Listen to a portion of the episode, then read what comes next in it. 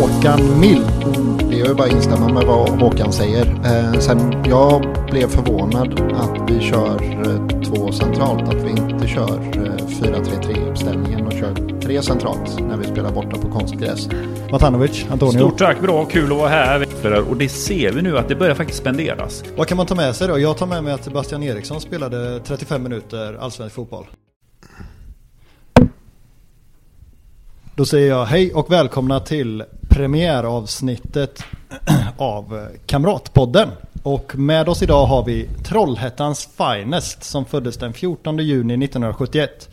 Fotbollskarriären inleddes i Trollhättans FK och fortsatte i IFK Göteborg och ut i vida världen med stopp i Servette, Real Sociedad och Wimbledon. Mellan utlandsäventyr stämplade Håkan in på Kamratgården. För IFK Göteborg blev det 459 matcher. 74 landskamper hans också med.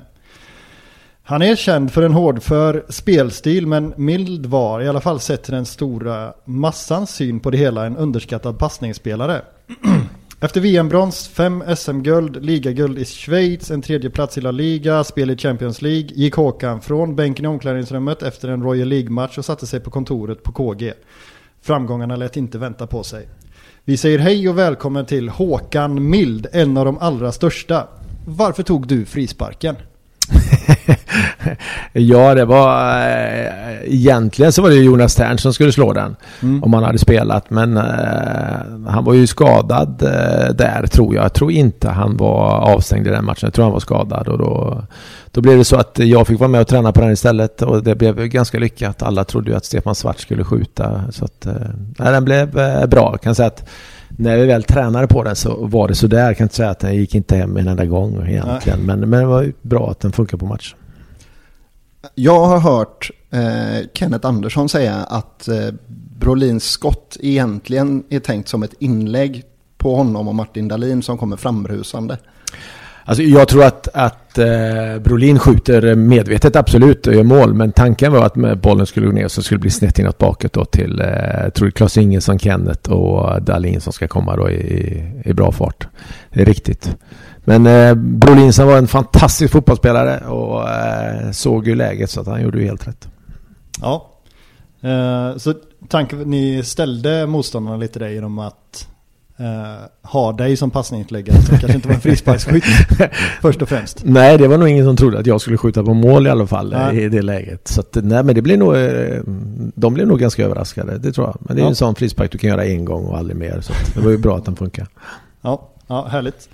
Uh, Olsson, hur är läget med dig? Christian? Jo tack, det är bra. Jag har varit på simskolan med dottern ute i Fiskebäck och cyklade raka vägen till KG. Ja. Men det är toppen. Full fart. Matanovic, Antonio. Stort tack, bra, kul att vara här. Vilken ära och kul att ha Håkan Mild här. Ja, onekligen. Det var match igår. Eh, Hammarby Blåvitt. Vad, vad har vi att säga om den? Jag tänker att du kan få börja Håkan. Nej, det är en svag insats av oss, absolut. Eh, det kändes som vi hade ett, ett bra läge eh, inför den här matchen. Inte gjort strålande resultat i Stockholm, men egentligen inget att förlora. Eh, så det är ju en besvikelse på hur, hur matchen blir till. De, de kör över oss igår helt klart. De är mm. klart bättre än oss igår i egentligen alla avseenden. Så det är ju en stor besvikelse. Om man äh, tillåter sig att vara efterklok, vad hade man kunnat göra annorlunda tror du? Det är ju alltid lätt om man sitter med facit. Men, men eh, jag hade nog velat se mer framåtlutande. Att vi mm. hade vågat mycket mer och, och stött mycket högre upp och mm. försökt störa dem. Eh, de har kommit från en lite sämre period. Eh, en del spelare borta, skadade och de har säkert haft lite turbulent i sin grupp också. Fem nya spelare in. Mm. Det är inte bara så att igår så tyckte jag att det hade funnits en, en jättemöjlighet att sätta tonen direkt. Men det, det, gjorde vi inte och lyckades inte med. Så att eh, det är bara att, att säga som det. Att de mm. var klart bättre än oss. Ja. Olsson, vad tyckte du? Men det är ju bara att instämma med vad Håkan säger. Eh, sen jag blev förvånad att vi kör eh, två centralt. Att vi inte kör eh, 4-3-3 uppställningen och kör tre centralt när vi spelar borta på konstgräs. När vi ändå har tränat på det eh, mm. det senaste. Att vi kör det från början. Mm. Eh, sen vet jag vet inte om det hade varit utslagsgivande åt andra hållet på något sätt. Men eh, ja jag blev förvånad bara att vi inte använde det verktyget när vi ändå har tränat in det. Liksom. Mm.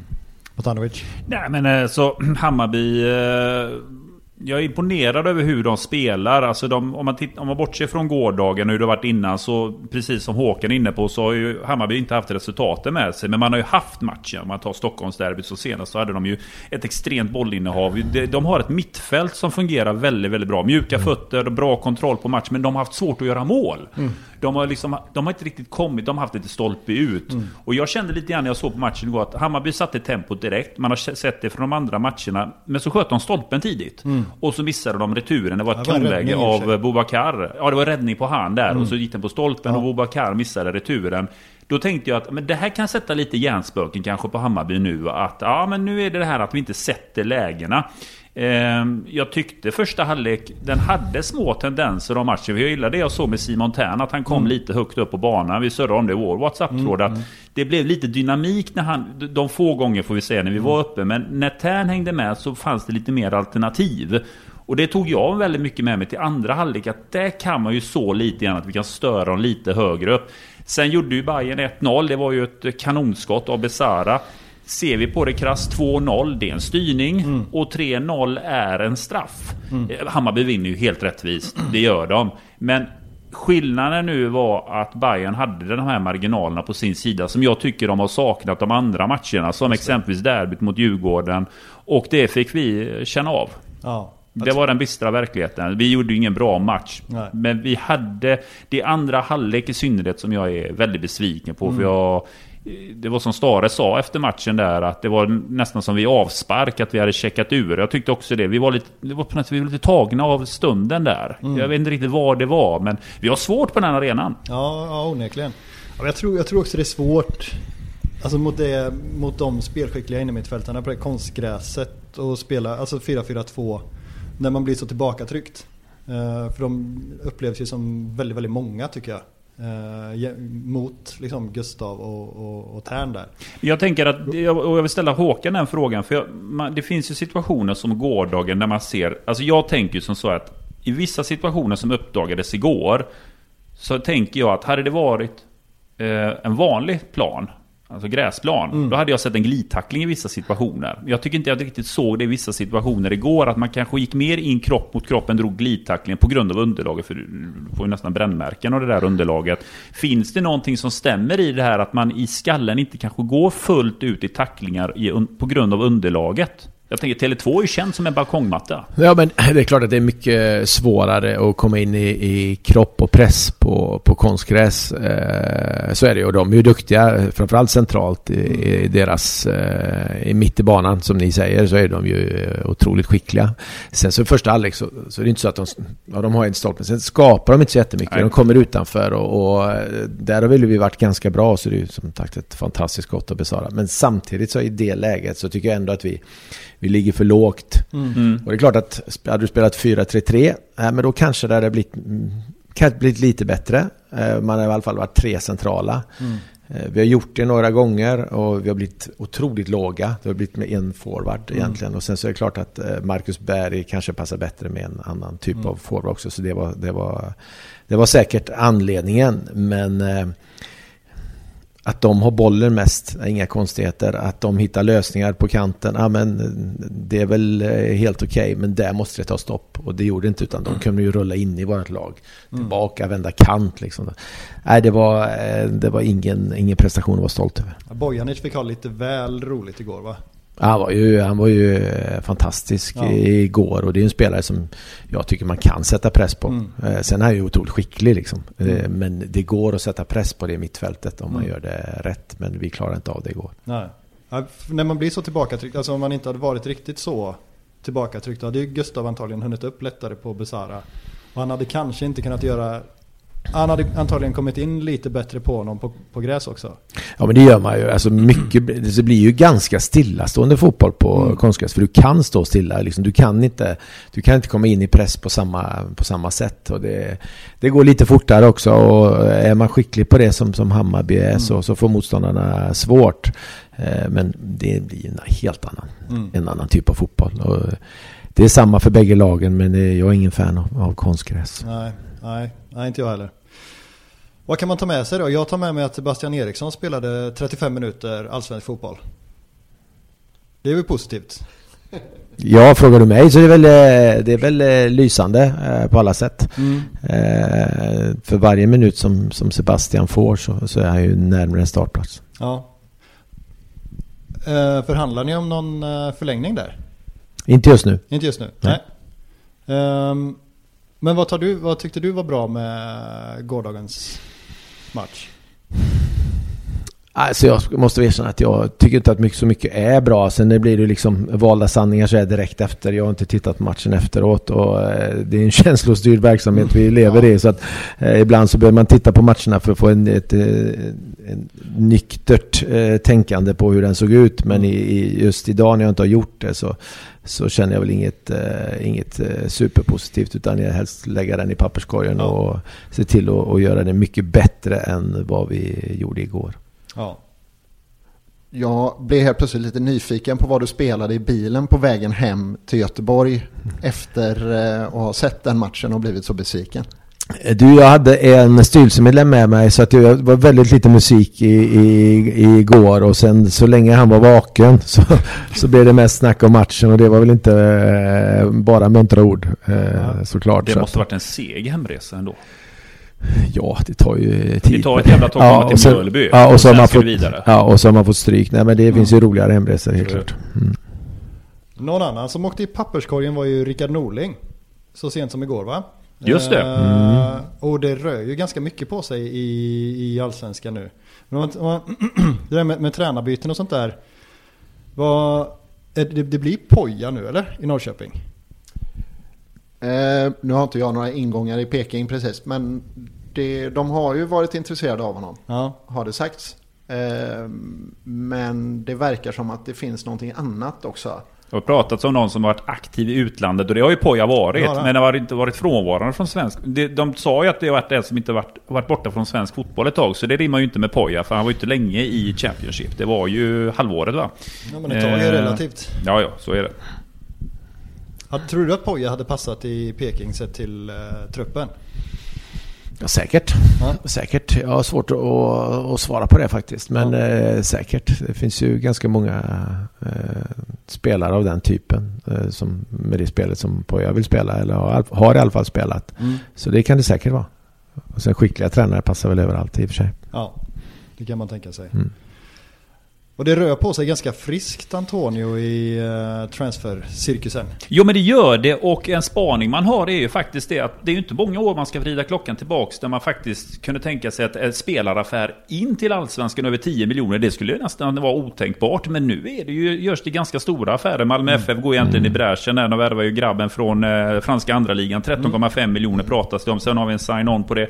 Värvade Josef här nu från Gdansk också. Given i polska ligan. Mm. Det pratas också om summor kring 10 miljoner på den affären. Malmö tar lite grann tag i det här med lite, de, hand, de handlar lite grann från en annan hylla nu. Mm. Bayern eh, gjorde ju klart med Pavle Vagic skulle ju vara den näst största affären nu för deras del mm. efter Astrid Selmani 7,5 miljoner från Rosenborg.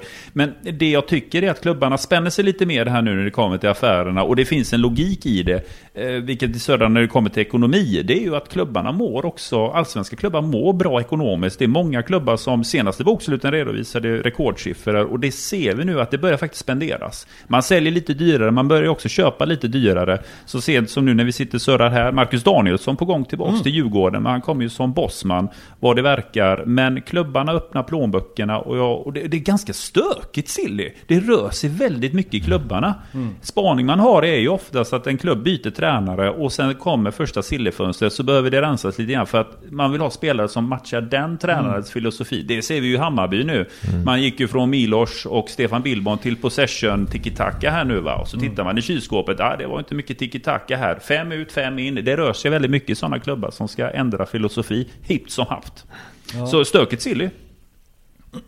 Ja, Guidetti blir ju spelklar också om inte annat. Ja, men AIK bränner ju allt på en spelare. Ja. Ehm, Norrköping värv, gör som de gör, de värvar islänningar ungt sen Mm. gammalt. Men de värvar också lite grann från Sirius som också har kommit igång med affärer här nu. De sålde ju Zeidan här nu, rekordaffär för deras del. Sirius har inte varit duktiga på tapeten att sälja spelare. Så, och eh, Shabani lämnar ju också Sirius för Norrköping.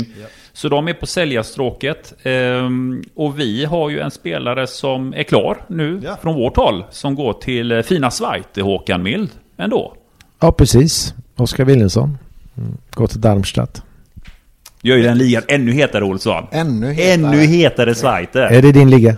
Ja, jag håller ju på St. Pauli Ja. eh, sen eh, 12-13 år tillbaka. Eh, och eh, mm, Antonio håller ju på HSV av någon outgrundlig anledning. Också sen 12-13 år tillbaka. Är- Ja, nej, men så det brukar gnabbas eh, helt enkelt när vi träffas. Ja, vad kul.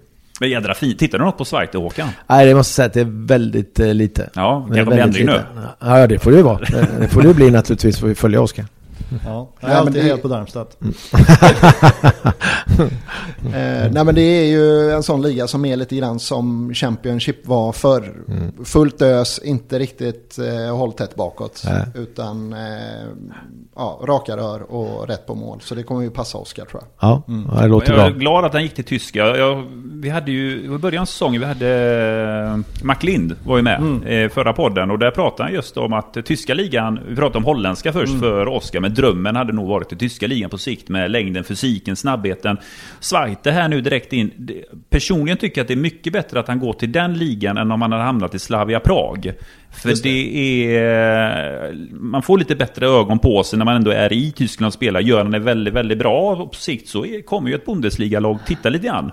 Och eh, då kommer slantarna upp. Drömmen är ju Dortmund. Och de kan ju pytsa. Och man vet ju sen innan, det behöver inte ens Håkan Mild kommentera. Men det finns ju alltid en klausul på spelare man säljer till Europa. Och det kan ju trilla in en slant där. Det ser man ju fram emot, hoppas man ju.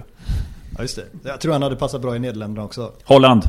Men det jag frågar är, jag tänker på just det, det rör sig väldigt mycket i silly season. Du har ju, jag tänkte ditt jobb tidigare, du har jobbat för eh, Sportradion innan och har ju bevakat Allsvenskan också på ett större grepp. Ser du någon förändring här nu i sillyn här i Allsvenskan om man vrider klockan några år tillbaka? Nej men ja, det är ju som du säger och eh, vissa klubbar har gjort väldigt bra affärer och, och mår bra och man ser också de, de större klubbarna har bra publik och eh, gör ekonomi, ett bra ekonomi på det också. Så att eh, det känns som att ett, eh, absolut, jag tror inte att alla mår eh, superbra men eh, vissa klubbar eh, som du pratar om där, om du tar Hammarby till exempel som har sålt bra och har ett Ja, men det är enormt 130 publik- miljoner redan i år man har så- sålt för Håkan. Det är ju det rekord. Ja, det är, helt, det är fantastiskt bra. Det är fantastiskt bra. Och sen är det ju liksom det blir ju intressant att se för fem spelare ut, fem spelare in. Mm. Jag har ju sett med IFK också att vi har haft ganska många spelare varit volatilt. Med att det är svårt att få kontinuitet. Mm. Då är det också svårt att, att bygga lag. Eh, Så det är inte alltid att det blir eh, superbra. Nej. Även om eh, man visar styrka och det kanske man ser det utifrån också från både från massmedialt och, och supportrar och sånt så att är det inte alltid att det blir succé. Men det påverkar väl rimligtvis eh, truppdynamiken också för alla de fem vill ju spela naturligtvis. Men så är det ju. Eh, Och när det hela tiden sker förändringar i en grupp, det är klart att Mm. det eh, saker och ting händer. Det kan ju vara positivt också, när, så är det ju. Och sen så spelarna blir ju mer och mer vana vid att, att, att det blir förändringar i en trupp också. Men eh, det är, självklart är det så att om du får möjlighet att spela med ett lag över tid så, så ger det ju oftast en, en bättre framgång. Men känns det inte lite grann som, jag tycker att det här silly-sommaren i synnerhet visar verkligen lite grann att eh, om man lever på, om man tittar förr i tiden så var ju allsvenskan en liga där alla slog alla och det, så vem som helst kunde blandas in i toppen. Men jag tycker man ser en tydlig segmentering mer och mer. Vilka som är toppklubbar, för nu värvas det ju från klubbar som är lite längre ner i tabellen. Degerfors sålde sin anfallare till Hammarby, Sirius säljer till Malmö. Vi har lite mer interna affärer. Får vi inte lite mer en eh, delad allsvenska? Som är tydlig vilka som... Det är nästan alltid samma lag som är med i toppen nu. Och det är svårt för eh, nya lag att slå sig igenom om man inte har någon sån här dundersäsong plötsligt. Nej men eh, så lär det säkert bli. Mm. Absolut. Jag tror inte att det är helt givet. Malmö borde ju vara givna där uppe och de har ju naturligtvis varit där och de har gjort det jäkligt bra. Sen så kommer det ju ett antal Stockholmsklubbar också som vars ekonomi är starka. Eh, Så att det, det kan nog mycket väl bli så framöver. Mm. Och det har blivit lite skillnad de senaste åren också. Man tittar på arenor, hur det ser ut. Och, Just det. och så har det ju sett ut ute i Europa också. De större klubbarna tar in mer, Mm. mer publik och tjänar mer pengar. Och de är nästan alltid i toppen också. Så har det ju blivit i, i Sverige lite grann också. Mm. Och hur ska man göra för att, för att haka på där då, för Blåvitt? Ja, för våran del, om man bara tittar mot... Vi måste ju vara bra på andra saker för... eh, Om man tittar i Hammarby så, så eh, kanske de har, drar in 55 miljoner eller något sånt i publikintäkter Mm. och vi kanske runt 30. Mm. Förhoppningsvis eh, gör vi, det, gör vi det bättre och drar in mer. Men det är ändå en stor skillnad jämfört, jämförelsevis med vad, vad AIK, Hammarby, Djurgården kan dra in. Malmö FF. Mm. Så att där behöver vi göra andra saker som är eh, bättre än vad de gör då. Nej men korrekt spaning där. Innan pandemin så drog ju Hammarby in 57 miljoner i publikintäkter. Var ju, Mm. Då var ju Tele2 där och stod där. Och det är ju, som du är inne på Håkan, det är ju mer än, det är mer än 25 miljoner mer i publikintäkter som Mm. Hammarby tar per år än vad vi klarar av. Och det är ju sett till arenans begränsningar. Men har vi inte blivit bättre på att ta betalt för de biljetterna vi faktiskt säljer nu? Jo, det är det. Och vi är absolut i en uppåtgående trend. Eh, tillsammans med alla som går på våra matcher, våra supportrar, så, så har ju definitivt eh, blivit ett uppsving. Eh, Och man jobbar väldigt bra här från IFK också, så jag måste berömma vår kommersiella avdelning som jobbar med de här sakerna. För eh, där ser vi ju att, att vi blir bättre hela tiden. Så helt klart är det så. Men det är, det är svårt att jämföra sig med de som kan ta in 30 000 på sin arena. Då. Mm. Men, men om man tänker alltså, om man, eh, organisationen och hur man bygger en vinnande organisation och, och ja, ingen sportchef nu till exempel. Och, Mm. Alltså hur, eh, hur ser du på det? Hur ska ni bli liksom en vinnande organisation? Ja, det är ju en, en väldigt eh, det är en bra fråga. Men jag tror att alltså, organisation, vi är ett antal människor här som ska jobba tillsammans och vi har de syften och målen som är här eh, är någorlunda samma för allihopa. Mm. Eh, och självklart är det att bli så jäkla bra i fotboll som det bara går. Mm. Eh, och det är ju därför vi finns till. Eh, det är att vara riktigt jäkla bra i, i fotboll. Mm. Sen så kommer det en massa andra saker till där.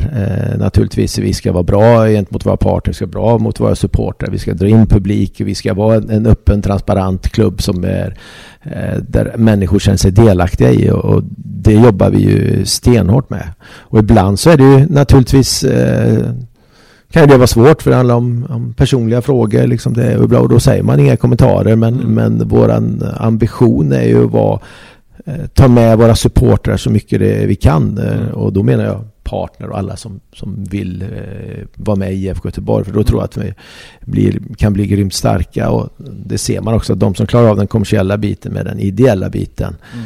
Eh, då finns det en stor möjlighet att nå, nå framgång. Och Mm. det jobbar vi otroligt mycket med. Det är svårt. Men vi försöker jobba med de frågorna. Ja. Är Stig en viktig pusselbit här tror du? Ja, när det gäller eh, rekrytering Mm. av nya spelare eh, så är det ju definitivt det. Eh, det finns ju få som har den erfarenheten som han har. Mm.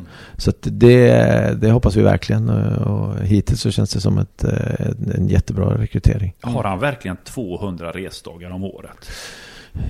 Alltså det, det, det skulle inte förvåna mig. Nej. Exakt det är ju svårt att säga men, men det skulle inte förvåna mig. Men du, jag tänker, det här är ju en man som reser mycket. Mm. Du, du är ju, du, du är väl Stigs chef va? Ja, så kan man ju se det. Ja, Mm. men då Stig, eh, han ringer nog lite udda tider till dig va? Söra spelare. Eller? Där får du vara beredd hela tiden eller? Jo, men så är det i den här branschen överlag. Eh, Det finns många samtal under dagarna som, som inte är på arbetstid. Verkligen. Men det är, det är en del av, det har jag absolut inga problem med. Det är en del av det här jobbet och, och som gör det roligt också. Mm. Det här med Kommer det bli någon ny sportchef tror du? Eller? Det är inte alls omöjligt. Nej. Just nu så har vi ett, eh, ett sportråd där jag, Micke och Jonas Olsson och eh, Marcus Hermansson sitter. Som tar de frågorna. Och sen så har Micke fått ett, ett, eh, kanske ett större mandat ur den Mm. dagliga verksamheten. Då. Det har han ju skött hela tiden ändå. Det är hans jobb att sköta den dagliga verksamheten. Men ett, ett större mandat där då. Sen så när det kommer till nyförvärv med mera så, så sitter man i den gruppen. Och naturligtvis är ju Stig med också. Mm. Eh, Så att, eh, jag ska inte säga att det inte kommer komma en, en ny, ny sportchef eh, framöver. Men just nu så, så har vi ingen sportchef. För sportchefen var väl ändå en del av ett sportligt ett sportsligt råd så att säga. Absolut, Så absolut, eh, absolut. har inte agerat ensam i alla fall liksom, eller? Nej, men jag, jag tror att, att eh, en sportchef är, är, jobbar nog ganska ensamt i, i många frågor ändå. Mm. Och eh, det är ett extremt stort jobb. Mm. Eh, Det är både med ledarskap och hur man ska hantera eh, spelare och ledare med mera. Det är Mm. extremt brett. Föräldrar, agenter. Mm. Så att jag tror att man behöver och, och bredda det med fler personer. ehm, Mm. Än ehm, man kanske bara som, så som man jobbat, förut. Mm. Man behöver nog se över hur, hur sportchefsrollen ska se ut. Och det är inte vi klara med. Ja, okej. Eh, Jag noterar att det inte är någon från styrelsen med i Sportrådet nu. Nej, det, men där är, vi har ett fotbollsutskott där det är två från styrelsen med. Ah, Där sitter Rickard och Jonas Henriksson med också. ah, just det. Mm. Jonas Henriksson och Rickard. Och där kommer ju in, eh, och de kommer ju in när man ska ha ett, ett nyförvärv och det blir ekonomi och med mera. Och att, Mm. även om det är organisationen som, som driver och, och sköter det naturligtvis så är det ju en information där de är delaktiga och, och ser över helheten. Mm. Precis. Eh, Daniel frågade ju förut om den vinnande organisationen, hur Mm. man bygger den. Mm. Eh, Nu var jag inne och snudda på styrelsen. Mm. Hur är styrelsen eh, del i en vinnande organisation? För när man hör Rickard prata Ja. så pratar han ofta om att de inte ska vara operativa, de ska inte vara inne och pilla. Eh, Men samtidigt när man ser Rickard och hans person så tycker jag som supporter och som person som kommer från sidan så dyker han upp och så flammar han och är väldigt passionerad och sen så hör man inte av honom på väldigt länge. Eh, ja, nej, men så det har varit intressant att höra hur ni ser på styrelsens roll, ni som sitter här. Nej men eh, styrelsen de, de eh, ska vara med och sätta strategierna och det är ju det. Det är ju, det är ju mina chefer. Men, men det är klart att den, den dagliga verksamheten, eh, det ska ju inte de engagera sig i. Ja. Absolut inte, utan det är ju vårat jobb. Deras jobb är ju egentligen att tillsätta och avsätta mig, om jag ska vara ärlig. Eh, sen är det ju naturligtvis, alltså idrott är ju, jag sitter själv i några andra styrelser, och idrott är ju, som vi sa innan, det är extremt känslostyrt. Mm. Och det är också mycket mer passion kanske än vad det är i många andra. Och man, man åker med i den här eh, känslomässiga biten att man vinner och förlorar. Och så är det ju även för en, en styrelse. Och speciellt i, i ett fotbollslag som, som eh, IFK och andra också, att man är ideellt med. Så eh, det blir lite annorlunda skulle jag ändå vilja säga än, än hur det är i en, i en annan i en, annan affärs näringslivets styrelse. Det jag tror att vi har mer supportrar, mer passionerade individer som, som självklart är med och tycker och tänker och det skapar engagemang och det har jag inga problem med. Men men- jag tänker, alltså, eftersom att det är så känslostyrt och sådär så måste det vara, ex, alltså, det måste ju hända väldigt många saker i affekt i en sån här organisation. liksom. Ja, det är det. Hur, eh, det måste vara extremt högt i tak eller? Ja, vi försöker ha det. Ja. vi försöker ha det. Sen är det ju alltid så med vilka människor det än är. Man behöver ju liksom eh, lära känna varandra för Mm. att kunna, kunna vara riktigt kritisk så att man inte tar illa upp. Och där är det ju liksom, där är det ju jätteviktigt för oss att, att jobba med de här frågorna. Att vi vågar ställa de här kritiska frågorna men också att man gör det av goda avsikter. Inte Mm. för att jävlas eller att försöka trycka ner eller någonting. Men att vi vågar ha den nivån. Och Ja. det är klart att då, då behöver man ju ni tre känner nog varandra ganska väl så kan Mm. ni diskutera. Men hade ni inte gjort det så hade det varit klart mycket spännande att ställa de där Mm. kritiska eh, frågorna. Så det, det försöker vi jobba med. Och sen så har man varit i den här branschen så länge så betyder inte det att man, att man är helt känslokall. Men, men eh, man kanske har lite mer eh, skinn på näsan och Mm. kanske inte tar till sig allt som sägs. Och det är klart, där är ju en styrelse, eh, är du inte van vid det, Mm. eh, då kan det nog bli problem om du inte har eh, tillräckligt många i en styrelse som, som har den erfarenheten. För då kan det nog bli att man tar många känslomässiga beslut. Ja.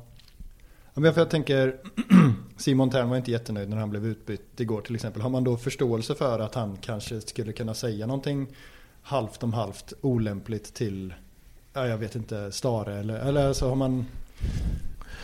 Till viss gräns kan man Ja. ha det. Eh, Till viss gräns. En gång är väl ingen gång. Du kan ju inte, du kan ju inte upprepa det. Nej, nej, det Eh, så då liksom driver du negativ energi i en hel grupp och det har du ingen rätt till. Jag har ingen rätt att komma här på jobbet och vara grinig varje dag. Nej. Mitt jobb är att komma hit och ge alla så mycket energi som möjligt. Annars blir det ju helt kast. Och Mm. det har ju alla andra här också. Mm. Eh, Även om vi har fått stryk mot Hammarby så i den här korridoren så ska vi göra vårt jobb i alla fall. Mm. Och det var en uppgift att, att, vara här och, och driva så mycket positivitet det, det bara går. Men självklart är det ju är det på vår försäljningsavdelning och en partner ringer att vi fan vad dåliga ni var igår. Mm. Det är inte säkert jag vill vara med nästa år. Det är klart det är inte så roligt för den individen att få höra det också. Någonstans så ska man ju kanalisera det här någon. Ja, det. Och då är det ju liksom då får man, då får man se till att eh, hålla sig lite kall liksom. Mm. Hänger det någon sandsäck här någonstans på Kamratgården? bo, ja, det gör det faktiskt i gymmet. Så det det, borde man, det borde man eh, eh, någon gång då och då. Men samtidigt, det är det som driver engagemang liksom, på, alla våra supportrar. Mm. Eh, det är helt, efter en, efter en eh, match igår så har jag ett antal mejl Mm. som berättar att vi är helt värdelösa. Just det. Men Svarar måste, må, må, nej, det gör jag faktiskt inte. För liksom, det beror på egentligen Mm. vad man, hur man uttrycker sig. Men Mm. om man bara liksom säger att allt är kast så finns det inte så mycket att svara på det. Liksom. Det. Däremot om man har något adekvat att säga eh, så kan det ju vara. Mm. Kan jag ju svara. Men ofta så blir det ju, då går det på den. Då Mm. blir den mejlkonversationen, den leder inte alltid till så mycket. Det. Uh, Vi, har, vi är ju en öppen förening, jag är här varje dag. Så vill man någonting så är man ju välkommen att komma upp. Det, det är inga konstigheter. Ja, och jag, tänk, jag tycker det är spännande det där med kravställan och eh, ja, med vinnarmentalitet. Och ja, men dels så funderar jag på, alltså för att kunna ställa krav, måste man, kunna, måste man vara tillräckligt bra så att säga för att kunna ställa krav? Eller kan en, eh, jag vet inte, en junior till exempel komma upp på första träningen och, och, och ställa krav på, ja men säg Mattias Bjärsmyr. Det är ju svårare. Ja. För vi lever ju på något sätt i en hierarkisk eh, värld lite grann. Men det, jag hade ju älskat det. Mm, Jag hade älskat det om en, en, om en junior kommit upp och läxat upp Bjärsmyr. mm, Om det fanns goda grunder för det. mm. Har vi någon junior tycker du då som tar för sig och kan liksom säga till Bjärsmyr, hörru du, som du säger, ah gott snack. Nej, kanske inte riktigt eh, på det sättet. Eh, det kan jag väl inte säga. Men det är väl att man, jag ska inte säga att det inte finns eh, individer som eh, har pondus. Det är absolut inte. Men att du kommer upp första träningen och säger till Bjärsmyr, det, Just det, det, det, det, det tror jag väl inte. Men Nej. det är ju dit vi vill gå. Mm. Det ska ju inte ha någon betydelse. För har vi bestämt att vi ska göra på ett sätt så är det ju det som gäller. Ja. Och då spelar det ingen roll om du är Marcus Berg eller, eller Linus Karlstrand. Men eh, det är väl eh, livet och naturens gång att det inte, att det inte är Linus som säger till eh, Marcus Berg utan tvärtom. Mm. Men när går det, när går det liksom, alltså den här kravställningen, när går den över i någonting som inte är okej? Om du förstår vad jag menar med den frågan. Ja, elak eller någonting Ja, sånt. Ja, ja. men det finns ju inget eh, det finns ju inget positivt att vara elak mot någon. Men när man är väl är där ute, självklart är det så är det när man, man är på plan. Alltså det är många saker som, som sägs där ute som man inte hade sagt eh, så här när man sitter och Mm. pratar så här. För adrenalinet är där. Mm. Du vill vinna. Det är här och nu i stunden. Mm. Men det får ju liksom inte gå därifrån in i omklädningsrummet då. Nej, Utan, utan där är ja, liksom, det blev fel där. Får man ju be om ursäkt eller någonting. Men samtidigt får man inte vara så mjuk att man inte kan ta att det blir en, en, en, en frågeställning där och då. Liksom. Men det kan ju inte bli det. Du kan ju inte ha det konstant. Nej. Du kan ju liksom inte, varje träning kan du inte komma i trubbel eller att du blir förbannad på folk eller match. Det är klart du inte kan. Men någon gång, alltså, det är ju inget... Det, är ju, det är ju, kan ju vara fullt normalt i vissa lägen. Ja. Men det kan inte, det kan inte hålla på att återupprepas. Det bygger ju ingen energi. Nej. Om man tänker Wernbloom mot Holm till exempel. Ja, ja, det, det vet jag faktiskt inget om. Ah, vad var? Han, han, vad, kommer du ihåg vad han skrek? Jag vet inte om jag tyckte att det Var det inte han skrek att du var så kass, sa Ja. vi till Emil Holm, när det var under match. Det var ju tomma läktare, så man hör ju allt vad Ja, grabbarna sant, sa då. Ja. Horribelt inhopp tror jag han sa. Så kan det vara, Ja. ja. Ja, Det fyller ingen funktion. Nej. Det fyller ingen funktion. Nej. Känner man Pontus Wernbloom så tror jag att han, ångrar sig efteråt direkt när han kommer in, Absolut, in, absolut. i, i omklädningsrummet. Men, men det fyller ingen funktion. Men om man har en, om man har en individ som, eh, som håller på så. Eh, eller vad man ska säga. Om, alltså, var, när blir det, när, när, blir, när, alltså när blir det för gnälligt eller för... Alltså när det Men om det inte, om det inte genererar någonting, om det, inte, om det inte blir någon förbättring eller någonting så får man ju hitta andra lösningar liksom. Ja, Och sen eh, Pontus Wernbloom är ju uppväxt i en annan tid, en annan miljö. Där han säkert fick göra sådana saker eh, på visst sätt då. Men, men eh, så funkar det inte. Då är det ju helt meningslöst att, att hålla på med det. Det ska ju liksom generera att vi blir bättre. mm.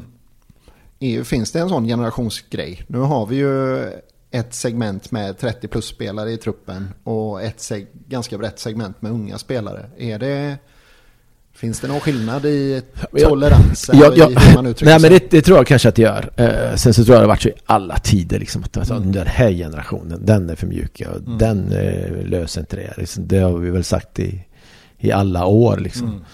Men någonstans är det väl att hitta någon, en respekt för vad vi håller på med. Det, det är självklart att när vi är 25 man jag satt ju inte och jag kunde väl sitta och prata med Ravelli någon gång men det var väl inte vi som pratade mest liksom. Mm. Så det, det gjorde vi inte. Men det betyder inte att vi inte pratade eller att vi inte gav allt för varandra på plan. Men han Mm. var ju så pass äldre, hade barn etc. Så Mm. då är det ju de bitarna. Jag umgicks ju med mer killar i min ålder. Mm. Det är ju också fullt eh, normalt. Det kan man också känna att man är, kan vara olika grupperingar. Men Mm. det är inget konstigt. Bara du ser till när du väl är ute på plan att du ger allt för varandra. Och för IFK Göteborg då i Mm. synnerhet.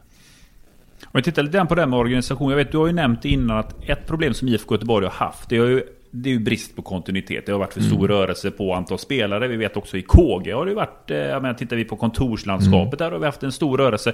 Känner du Håkan här nu att du börjar landa i någon form av kontinuitet och vad du vill ha för typ av organisation kring det? Börjar ni landa? Eller har ni landat på riktigt organisatoriskt? Det är väl en, en, en, en ständig företeelse, en ständig process eh, naturligtvis. Men jag tycker att, eh, och det ser vi också på, på försäljning, både när det gäller publik och med partner och sånt, att, eh, att vi har en, en, eh, en organisation som fungerar. Vi kan alltid bli bättre. Jag säger absolut inte att vi är färdiga på något sätt, men vi ser en uppåtgående trend. Mm. Och att man eh, att eh, vi jobbar, vi jobbar bra ihop och vi tar steg egentligen eh, hela tiden. Sen så vill, vill man ju vinna fler matcher. Mm. Men ur ett organisatoriskt perspektiv i IFK Göteborg så vill jag påstå att eh, vi är ganska bra. När man kommer till det sportsliga, du pratar ju själv om att du vill ge energi till gänget som är här oavsett vad det, hur det går sportsligt så är energi ett ledord. Eh, när du anställde Mikael Stare, är det, när du tänker Mikael Stare, är det energi du tänker på eller vad är det första som poppar upp i din skalle? Jo men, men så är det ju. Och driv. Mm. Och eh, fotbollsfanatiker 24-7. Eh, konstant. Eh, och det var, tyckte vi att det var det IFK behövde. Mm. Vi behövde liksom vi behövde sätta en, en, en jag kommer ofta in på det, den dagliga verksamheten. Att liksom att vi gör bra saker varje dag. Mm. Och det är ambitionen. Sen kanske inte lyckas, men ambitionen är att hela tiden, varje dag vara bra. Man pratar om everyday player liksom. Och det vill ju vi ha i, i, med alla medarbetare. Mm. För det är en, det är en tuff bransch att vara i. Mm. Eh, Det är många som... eh, Det är väl anledningen till också att det är så pass volatilt och ibland får man inte vara med och, och ibland så eh, blir det för mycket och man tröttnar. Så att självklart är det så att man tittar på, på klubbar som, som har haft någorlunda eh, samma organisation så, så har man ju lyckats över tid även om det är svackor då och då som man liksom ändå varit stabila. Man tänker lite på det, för jag menar tränaryrket idag, idag sitter ju inte... Alltså om en tränare sitter mer än fem år i samma klubb så är det nästan unikt numera. Om man tar ett sånt som Stare till exempel, att nu har vi ju Stare som tränare, då har vi en viss typ av ledarstil och det blir ju också spelare efter kanske vad man har för tränarstab. Vi säger till exempel att Stare skulle lämna något år, om några år framåt. Hur, för där tycker jag att svenska klubbar är lite intressanta för att när man byter tränare så tycker jag att vissa klubbar de går ju efter att åh han verkar spännande så tar man in det får man nästan intrycket men så har man inte materialet för hur den spelaren tycker och tänker. Hur ska vi, om vi tittar på det lite längre perspektivet, den dagen Stare är inte kvar här, hur ska vi tänka kring tränare? Ska det vara att... Behöver det alltid bli en... Att det känns som att alltid när man ska byta tränare, då ska man byta allt. Filosofi, Ja, det ska nej, vara precis, allting. Och, och så ser man på materialet, det var ju byggt efter något annat. Nej, ja, du, jag tycker du har helt rätt där. Jag hoppas ju inte det blir så. Mm. Jag hoppas inte det blir så. För det blir väl, det blir, ibland så blir det väldigt tvära kast och så ska man göra eh, stora förändringar. Självklart måste man följa med i tiden. Liksom. Eh, Det går inte att tänka som 1996 när Men jag vilken spelade. tränare Men- tänker men- så? Ärligt Men talat. du, du måste, ja, men det, du, nej visst, visst. Men det, Det är inte det- någon som kommer med CV och säger nu, nu kör vi 90 här. Nej, men jag, jag tror ju liksom att, att eh, man behöver vara med. Har man varit med länge som tränare så kan det ju, finns det ju en risk att man... Eh, men så här har jag alltid gjort. Så här funkar det. Jag tror att man måste vara extremt levande med, med nytt ledarskap och hur eh, ungdomar tänker idag jämfört med förut etc. Och hur, hur eh, kanske min generation var pliktgeneration och idag är det en lustgeneration och hur får man ut det bästa av individer utifrån det samtidigt och ändå som vi har våra ramar som vi ska göra och det tullar vi inte på något, Mm. något på för att det här är sättet som vi tror att man blir riktigt jäkla bra. Alltså, alla träningar är inte roliga. Nej. Och då betyder det inte att du, inte att du kan undvika att göra dem för att det inte är kul. Liksom. Mm. Du måste göra dem ändå. Eh, Och det är väl en del av livet. Att eh, alla dagar är inte underbara. Man får ta dem ändå. Och det är väl det liksom. Så är det med fotbollen också. Se till att göra jobbet även de här taskiga, regniga, tråkiga dagarna. För att Mm. Du måste lösa det för att, för Ja. att klara av den här matchen på, på uh, Tele2 Arena inför 28 000. Nej men det är ju så lätt att falla i någon fälla. För jag menar det är ju det felet vi har begått om man tittar några år tillbaka. Att vi skulle plötsligt bli en eh, spansk organisation med possession. Och det skulle vara otroligt vackert att se på den katalanska fotbollen här uppe på Kamratgården. Lite krasst där om jag hårdrar det. Det gick ju väldigt fort från det att den tidigare organisationen, nu drar jag klockan tillbaks några år tillbaka. Nu skulle vi spela på ett visst sätt. Sen så bröt, sen så försvann ju allihopa och nu är vi där vi står idag på någonting helt annat. Det har ju varit väldigt tvära kast i hur vi vill spela fotboll. Det, jag tänker, det kan väl inte vara det mest optimala för en grupp. Jag tänker som spelare till exempel, man värvas ju utifrån att man har sålts in i en idé att "Ja, men så här ska vi spela fotboll. Då har det ju lockat en viss typ av spelare. Finns det inte en risk när man byter till någonting annat än vissa spelare kan känna, nu pratar jag generellt, det behöver inte bara röra Blåvitt. Men som spelare kan man känna, men det här vill inte jag ställa upp på. Det här är inte riktigt den här fotbollen jag vill spela i. Vi ser det till exempel i Hammarby med Astrid Selmani, ett klockle- klockrent exempel. Han är ju inte alls sugen på att spela den typen av fotboll som bedrivs nu. Den här typen av rockad, det ser jag som en stor, farhåga och jag upplever att det har Blåvitt blivit drabbade av innan, när vi hållit på att ändra så här mycket. Delar du den uppfattningen? Ja, det är svårt, eh, svårt att svara på för jag har inte pratat med någon av spelarna just, och just i, i den andemeningen att det kommer en ny tränare. Men jag har ju spelat fotboll så pass mycket själv så att det självklart är det så att du trivs med en individ och hur den, eh, den pedagogiken är och så tycker du att det är bra och så kanske du har fått förtroende också. Så kommer det en ny individ som, som pratar på ett annat sätt och som du kanske inte alls tycker är lika bra och som inte passar dig som fotbollsspelare. Vi är ju ganska individuella utan vi går ju oftast till oss själva. Passar det mig eller passar det inte mig? Så är det. Och ibland så är det väl så att eh,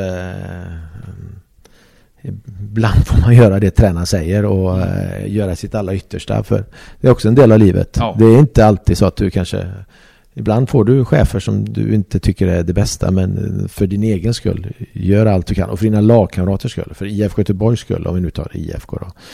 Men och sen i sista änden så blir det att man byter ju då. För det känns ju som spelarna har lite mer makt och mer att säga till om. Det var förr. Jag läste någon nyhet, eh, tror det var igår till och med, den var inte någon officiell, men det var lite så här flashnyheter att just nu så var det flera spelare i AIK som var missnöjda med Bartosz eh, spelfilosofi och de upplevde att inte den var tillräckligt kreativ och de har haft spelarmöte och tyckt till om tränaren att detta måste vi skruva på. Eh, Med din bakgrund Håkan, att det här att spelare har den här typen utav diskussion med tränare, upplever du att det har blivit mer vanligt att eh, spelardemokratin har blivit mycket starkare nu än det var förr? Jag tror att individualismen har blivit mycket starkare. Ja, Eh, Däremot, jag vet inte om spelardemokratin har blivit starkare. Jag skulle, även om inte jag funderat på det så, så skulle jag nog vilja säga att eh, så är det inte. Däremot individualismen har blivit mycket starkare. Att du eh, uttrycker dina egna åsikter. mm. Och jag tror att man har mer folk runt omkring sig eh, också som kan vara med och vidimera den på något sätt och, Mm. och ge dig någon typ av status att det du säger, det håller vi med om. Förut agenterna är ju ganska duktiga på Ja, bland, bland annat. Och ett sätt också. Och antingen att man inte vill vara kvar och, Mm. och vill göra något annat. Eller så vill man att det ska bli någon annan typ av förändring. Mm. I min värld så, så sköter man ju den internt. Om jag har Mm. något, om jag har en åsikt om dig så säger jag den till dig. Mm. Det behöver jag inte göra i media någonstans och framförallt inte på sociala medier. Nej. Men det är väl tidens anda lite grann det Mm. också. Och, och så får man väl eh, ta och hantera det med. Men eh, jag föredrar ju att om du har en åsikt, eh, om det- berör mig så hoppas jag att du tar den med mig före du tar den annanstans. Men hur hanterar man då? eh, Vi kan väl ta spelare X då. Eh, Kommer till dig och, och har klagomål på Stares sätt att bedriva verksamheten till exempel. Fast det är uppenbart att den här spelaren egentligen bara vill ha en roll till exempel som skulle gynna honom. Alltså hur... eh, Och Då, eh, ofta så säger jag ta det med Stare. Mm, Och när du har gjort det och det ändå inte funkar, men då kan du komma till mig. Mm, Och då kan man ju ha en diskussion. Men det är också liksom att vara... Man har ingen rätt att, man ingen rätt att bara komma och lägga det i knät på mig. För det Nej. första får du göra någonting åt det och sen så får du ta det med den det berör. mm. Och sen självklart har man ju också rätt att ha sina åsikter liksom, och, och tankar. Men den försöker vi ha eh, så mycket som möjligt i vår grupp då. För då blir vi starkare om vi klarar av att ha den där. Men det är mycket enklare i, i affekt. Lägga ut den någon annanstans. Mm. Ja, men jag tänker om det är uppenbart att spelaren vill gynnas själv snarare än att laget ska gynnas. Ja, men säga. då... Nej, men det funkar inte. Nej. Då får vi ju säga det till honom. Ja. Det är inte svårare än så. Nej, Nej. alltså det, det, alltså det är inte enkelt. Nej. Liksom. Man vill ju aldrig såra någon människa. Men jag tror att det, vi behöver vara så pass tydliga att nej, men det, det är ingenting som gör IFK Göteborg bättre. Mm. Sen kan ju den spelaren tycka att det är så. Jo, såklart. Absolut. Vem vet, Eh, spelaren kan en ha... käns- Känslostyrd bransch. Exakt. Det gäller spelarna. sp- vem vet, spelaren kanske har helt rätt. Det kan jag vi andra har helt fel. det har ju hänt. Det är ni som är de konstiga och sådär. Exakt. Från Thåströms Ja. Ja. Ja. Ehm, precis. Antonio, hur ser Blåvitts ekonomi ut? Ja men eh, den ser eh, förhållandevis bra ut. Vi eh, gjorde, det är ju rekord. Jag har gjort så, jag har gjort en sån liten sammanställning från 2007. Mm. Där man har gått igenom Blåvitts. Då är det bokslut som är på hemsidan. Och lite positivt var ju att det är rekord i redovisat eget kapital. Mm. Det har vi inte haft sedan jag tittade tillbaka 2007. Eh, lite kul också att ett sånt här svart får får man ändå säga. Merchen. Nådde ju en magisk gräns förra året. Håkan, du har varit inne på Mm. det. Att det är många i organisationer som gör ett fantastiskt jobb. Man måste ju säga att det som sker i Blåvitt-shoppen är ju fantastiskt just nu. Eh, Ett härligt utbud, bra försäljning, stigande försäljning får Ja. man också intrycket utav att Ja, det kommer att ta fart. Mm. Otrolig service. Otrolig service kan jag berätta från Mm. egen erfarenhet. Eh, cred till dig Hugo där. Jag sa att jag skulle berömma dig. Så nu får jag ta det här Hugo. Det är bra. Det förtjänar Hugo. Ja, det är härligt. Mm. Nej, men sen tycker jag det är kul att se just nu vad IFK Göteborg gör. IFK Göteborg fick ju en hel del kritik från... Det var en del på sociala medier för ett par år sedan. Där sponsorer röt till eh, partners och sa att man inte fick någon återkoppling från klubben. Man kände sig inte delaktig. Att man fick någonting från IFK Göteborg. eh, Speciellt, det var väl under pandemin. eh, Speciellt där när man röt till. Men det har hänt väldigt mycket där. Håkan, du har varit inne på det. Du flaggade ju för att vi kommer se en tillväxt på omkring 25%. Det var tidigt du var ute på året så att partneraffären kan växa. Men det jag vill säga är det att eh, alla vet ju kanske inte riktigt vad IFK Göteborg gör med partnerna. Men för de som har LinkedIn så kan man ju säga att det händer otroligt mycket. Ni är ju överallt. Och, och eh, det är ju intressant att se vilka forum ni befinner er i med era partners, era träffar. Och det är ganska ofta som det händer där. Och det tror jag vi kommer se en väldigt positiv effekt utav. För att det i många andra klubbar, alltså jag pratar ju om att klubbarna har bättre och bättre ekonomi. Men det är många klubbar som faktiskt backar när det kommer kring sponsorer. Malmö hade ett tag 70 miljoner i sponsorer. De har ju backat kring 50 miljoner och det under ett Champions League-år. Egentligen så är det väl bara Hammarby, AIK som nu på sistone har stuckit upp lite grann och vi som är på gång. Men tar vi klubbar som BK Häcken, förvisso Gothia Cup har ju påverkat där med starka lokalt förankrade klubbar som Elfsborg har tappat sponsorintäkter. Företag pumpar inte in pengar på samma sätt som det var tidigare, men IFK Göteborg är just nu inne på en positiv trend. Jag hade en fundering på, vi har ju alltid pratat om att det är negativt att det går så dåligt, att det är negativt för fotbollen att det går så dåligt för ÖIS och Gais. Men om jag vänder på det, Finns det också en styrka i att när det kommer till nätverk att vi befäster vår mark i Göteborg när de andra är alltså i krasst inte ens existerande just nu Håkan? Ja, det finns väl ett, ett visst antal eh, kronor och ören i stan som man eh, naturligtvis eh, eh som ska, man ska eh, hantera. Så det är klart att, att eh, så sätt kan det väl vara en fördel. Sen så är det väl om man ser till det fotbollsmässiga derbyn och sådana grejer så, mm. så är ju det bra om, om både Gais och ÖIS är uppe. Men visst, vi har ett väldigt bra nätverk och väldigt engagerade partners. Eh, vilket är otroligt glädjande och, och kul. Och, eh, det kanske är så att om de andra klubbarna inte är lika starka där så, mm. så gynnar det oss. Men eh, jag tror att vi måste, ingen roll, vi måste vara ruskigt bra där i alla fall. Mm. LinkedIn som strategi där när ni kör eh, era partnerträffar. Det här är någonting som ni inte kommunicerar de andra kanalerna. Jag tänker så mycket som på hemsida, mm. Twitter, mm. Facebook. Är det en medveten vald strategi att själva partneraffären den förankrar vi på LinkedIn? För jag undrar om egentligen den stora supporterskaran vet egentligen vad IFK Göteborg gör. För det här sker ju bra grejer. Absolut, absolut. Eh, när det gäller våra partners så är vi mycket på LinkedIn. Vi är på andra mm, sociala medier också. Vi har vårt eget Blåvitt Play också där mm. vi försöker framhäva det. Men eh, där får vi också kanske större hjälp av våra partner och spridare också. Mm. Men generellt kring ekonomin, jag pratar lite grann om de åtta klubbarna. Då är det ju mm. Malmö, Norrköping, Djurgården, Hammarby, Elfsborg, AIK, Häcken och vi. Så av oss åtta klubbar så har vi fortsatt det lägsta egna kapitalet. Men man måste veta det att Blåvitts ekonomi kan jag dela upp lite grann i två delar. Mm. Det första är 2009 i samband med att vi flyttade in till vår arena som vi har nu. Då hände någonting med omsättningen. Vi nådde ett nytt tak i omsättning. Det blev liksom ett nytt normalläge med en ökad omsättning. Sen egentligen så är det från 2015-2016 som någonting hände där också. Där jag anser att styrelsen tog alldeles för djärva beslut. Man tog ett hårt beslut om att nu ska vi vinna guld och gå för Europa. Vi kör all in. Det gjordes ganska starka affärer.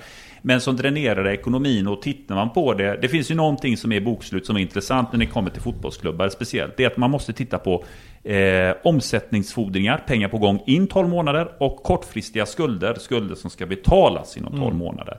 Där var det ju så att där blev skulderna högre och det var då ekonomin raserades och det var ju ett tag riktigt illa där vi hade ett kassaflöde på 3 miljoner kronor, alltså 300, 3 miljoner på, i banken, sen var det mm. tomt. Det är ju ingenting. Men där var det att vi levde, vi gjorde en hård satsning som kostade oss flera år. Nu har man städat upp det här. Man hade ett par tuffa år där man sanerade ekonomin och vi har just nu en tillväxt. Och IFK Göteborg har också blivit bättre på spelarförsäljningar. Som har då drivit upp ekonomin lite snabbare. Men just nu, min analys av det hela är ju att eh, här på Kamratgården kan man ju sitta lite skönt nu att man kan den här stressen kring ett sommarfönster kan ju onekligen inte vara lika stor som den var för två, tre år sedan då man var tvungna att sälja till varje pris. Nu kanske man kan till och med ha lite is i magen när tysken ringer och säger nej, nej, det där budet, det tar vi inte. Eller hur är det Håkan? ja, eh, nej men det, jag satt inte här för två, tre år sedan, så, men det, definitivt är det väl så. Eh, när det gäller fotboll så, så är det ju väldigt eh, sällan man eh, klarar driften om man har ambitioner. Så är det. Och, och, vi har ju ambitioner. I, I, år så satte vi dock, men de senaste åren så har man ju eh, gjort en budget med spelarförsäljningar. Mm. Och det har vi inte gjort i, i, år, vilket jag tycker är skönt och rätt att, mm. att vi inte gör. För eh, det känns skönt när man gör budgeten men, men det är inte så roligt eh, under sommarfönstret om du inte säljer och det är inte så roligt heller när bokslutet ska till. Om ja, inte... det blir väl ett mentalt övertag att veta att om inte det finns i budgetposter, det måste väl ändå göra någonting mentalt att veta att ja, vi har spelare som är attraktiva ute i Europa, men man har inte det här kniven mot strupen att nu måste vi göra en affär för det är budget. Nej. Nu kan man göra, blir det inte på något sätt mentalt ett annat förhandlingsläge för dig själv. Jo, men jag, jag tror att ändå, det är ändå ett problem. För jag kommer ihåg när jag var sportchef sist, då hade vi inte det heller. Då hade vi inga mm. spelarförsäljning i budget. Men då blåste vi kanske upp, eh, för att liksom vara med där uppe och satsa, så blåser man kanske upp att man tror att man ska sälja mer än man gör. Man tror att det ska komma mm. mer publik och så innerst inne så känner man att ah, Kommer det här att gå? Nej, det. det. är tveksamt. Och så kommer du ändå in i det att du måste göra försäljningar. Mm. Ska vi växa eh, som klubb, ska vi bli starkare och vi blir en ännu bättre organisation och bli eh, ännu mer välmående så är det självklart att vi måste sälja spelare. Ja, för det, snabbare tillväxt. Ja, och, och, också, också bygga, bygga våran eh, klubb. Man, man tänker på att, eh, hur det ser ut. Vi har två planer här ute. Kommer mm. det räcka om vi går fem, sex år framåt så har vi förhoppningsvis ett damlag i, i allsvenskan mm. också. Mm. Eh, jag vi, har ju en liten dröm om att vi har en läktare längs med Ja, den precis. sidan och ett par kiosker. Exakt, och, exakt. Och sådär. Men eh, det ligger ju en bit fram då. Ja men det gör ju det och, och eh, jag håller med dig. Och sen är det vad får vi göra här i, i det här en, en Jo, det- naturområdet. Men, men det är ju, helst hade man ju velat ha det. Helst hade man velat ha ett, minst två planer. Och så kanske man hade typ en, som en matcharena där borta som man skulle kunna spela med i alla fall U21, U19 med mera och trä, Mm. träningsmatcher och sådär. Och sen så, så spelar man både med, med dam och, och här på en egen arena. Mm. Det hade det har varit eh, drömmen om det var så. Men Mm. och ditåt, vi måste ju jobba åt det hållet i Mm. alla fall. Sen om vi inte är där nu så måste vi liksom sätta spadtaget lite grann för Mm. att och nå dit. Ekonomin, det känns ju som dock att ni är, alltså IFK Göteborg idag är mer en städad organisation som har lite bättre koll på kostnaderna och som går och tar hela tiden kliv framåt nu när det kommer till intäkterna. Det gör ju att vi tar små kliv framåt. Eh, Vi är en bit efter de här andra klubbarna Mm. måste man säga ekonomiskt. Men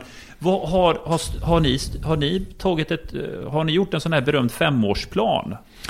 Det finns en, en verksamhetsplan som är fem år, så nu i höst så är det ju dags att sätta en ny, för vi har den till nästa år också. Men det, i höst är det ju dags att jobba en, eh, fram en ny verksamhetsplan. Sen om den ska vara fem år eller om den ska vara... Det är berömt Tre fem, år. för den är Ja, rolig, för då ska man alltid bli störst i Skandinavien. Ja, exakt, Så exakt. Eh, Och jag kanske, eh, och jag kanske kan tycka att eh, det går så pass eh, snabbt och eh, än en gång det sker förändringar så en treårsplan kanske Ja. är rätt att göra. Men eh, vi får väl se vad styrelse och andra Vad ser tycker. du för eh, rimliga ekonomiska mål om tre år?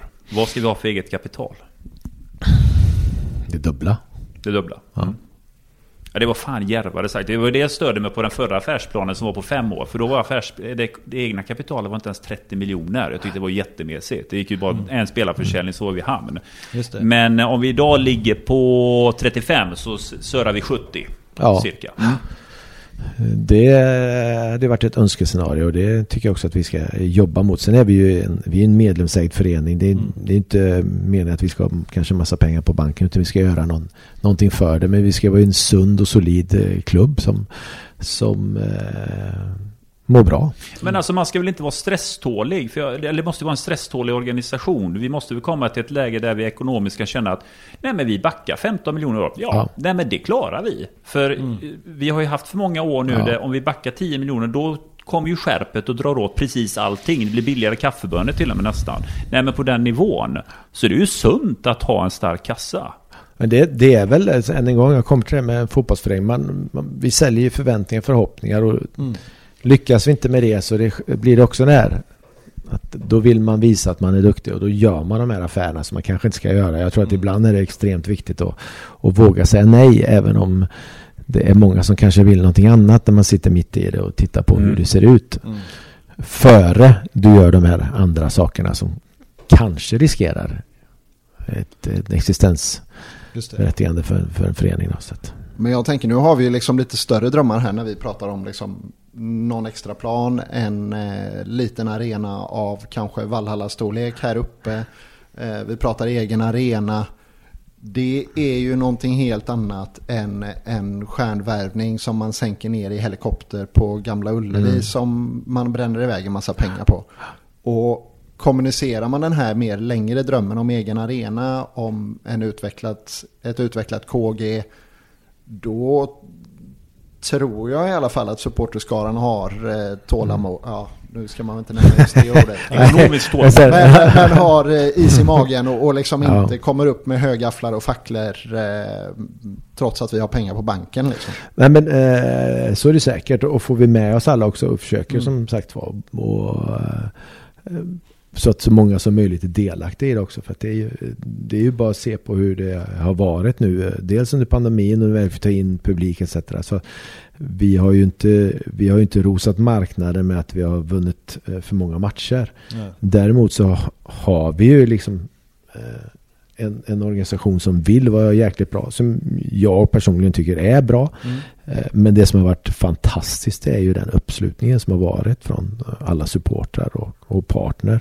Mm. Eh, Att man vill vara med och vara delaktig i IFK Göteborg. Och den kraften måste vi ta tillvara på. Mm. Tänker, eh, apropå ekonomi och sådär. Det är ganska många spelare som har utgående kontrakt och så. Jag tror det är Mm. nio stycken.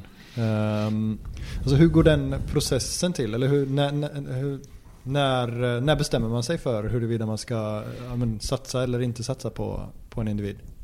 Alltså, drömtillvaron är egentligen att man har kunnat göra det en tid innan. Sen finns det ju sådana som kan vara lite äldre spelare som har ettårsavtal bara. Mm.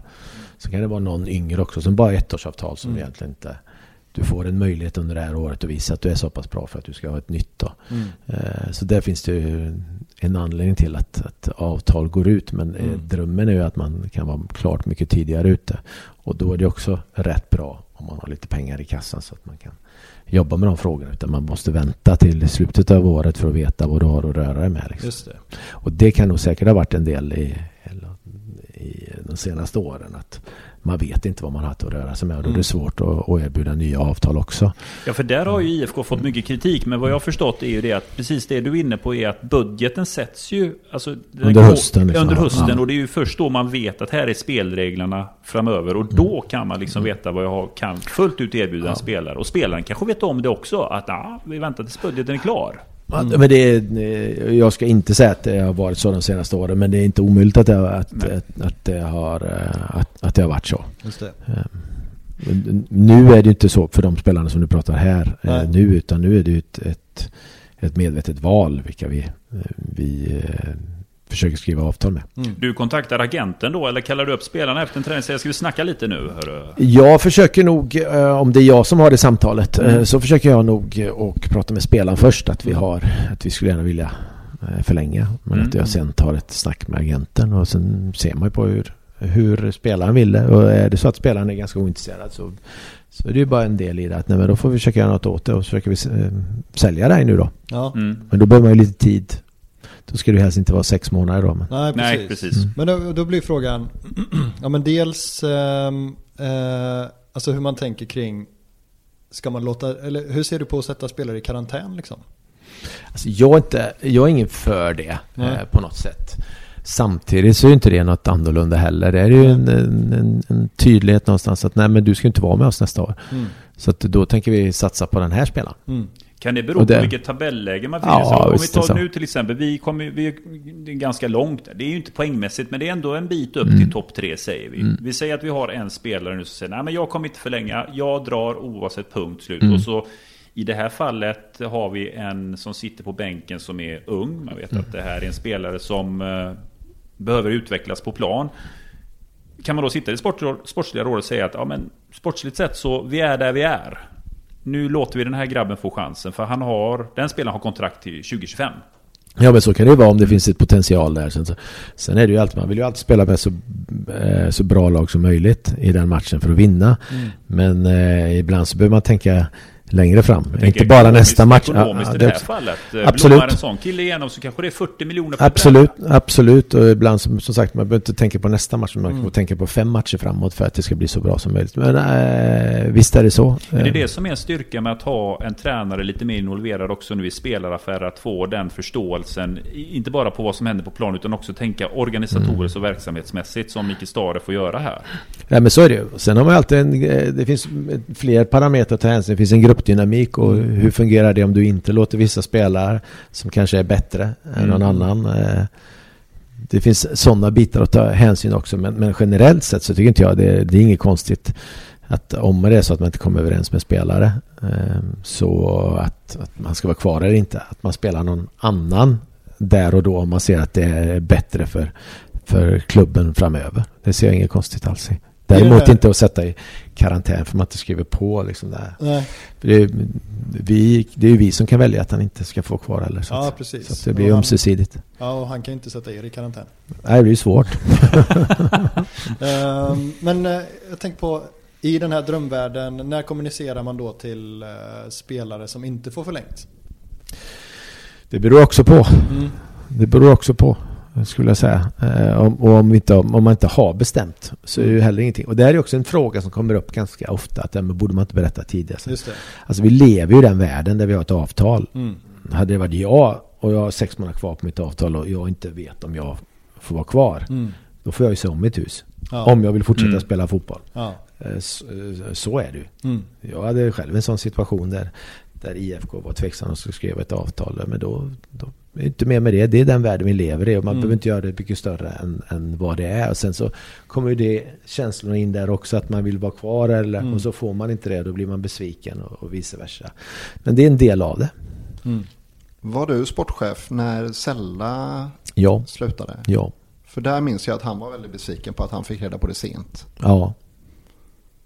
Det, det var han säkert. Eh, Men jag tror inte, pratar du med Sella idag så har han nog... Ja, men det är ju det, vatten det under blir, broarna, alltså. Ja, men det blir ju just där och då alltså, man inte blir vald. Mm. Det är väl ingen människa som tycker om det liksom. Sen så kanske man behöver på något sätt processa det i sitt eget huvud att saker och ting kan hända. Men om man nu inte förväntar sig det kanske. Nu har jag faktiskt vet jag inte det med Sella. Men han kanske förväntar sig då att få ett nytt avtal. Och så får man inte det. Så det är väldigt lätt för att normala, människor, eller normala jobb så får du inte en mikrofon eh, Nej. under näsan och så ska du kommentera det här. Vad tycker du? Jag tycker, nej, jag tycker det var helt rätt att jag inte fick vara kvar. Det är kanske inte så man Det var på säger. tiden. Men- jag har varit dålig länge här. Men om man ska ta klubben lite i försvar här, för vi, IFK har ju fått historiskt mycket kritik av att vi är sent ut och förlänga med spelare. Men har det inte blivit svårare? Jag tänker agenterna, har inte spelarna velat vänta verkligen in i fem i tolv? Innan och verkligen att agenten ska säga men jag ska höra mig för hela världen och se vad som finns för erbjudanden för dig innan du tar ställning. Har det inte blivit mer så? Jo, men det, eh, det kan jag väl tycka. Det kan jag väl tycka att det har blivit mer eh, åt det hållet. Även om en spelare trivs idag, säger vi, och verkligen älskar föreningen, så måste det ju finnas... Jag får ju känslan av att agenten säger till spelarna, men skriv, vi skriver inte på någonting ännu, nu ska vi sondera och höra oss för. Det var väl inte riktigt så för ett par år sedan. Men nu kan ju liksom en 19-åring hamna i, eh, ja, en andra liga någonstans ute i Europa som inte var möjligt för. Det är ju mer industri idag. Just det. Mm. Har- som sagt, nu har jag varit där i ett och ett halvt år, men det är mer industri, industri idag än vad det var för eh, tio år sedan. Mm. Där man pratar mycket mer om. Vi pratar om ekonomi på det sättet. Vi pratar om, om för att sälja spelare. Så, Då är du tio år tillbaka. Vi ville inte sälja en spelare, vi ville vinna matcherna. Så. Men idag är det en helt annan, en annan situation i, i det.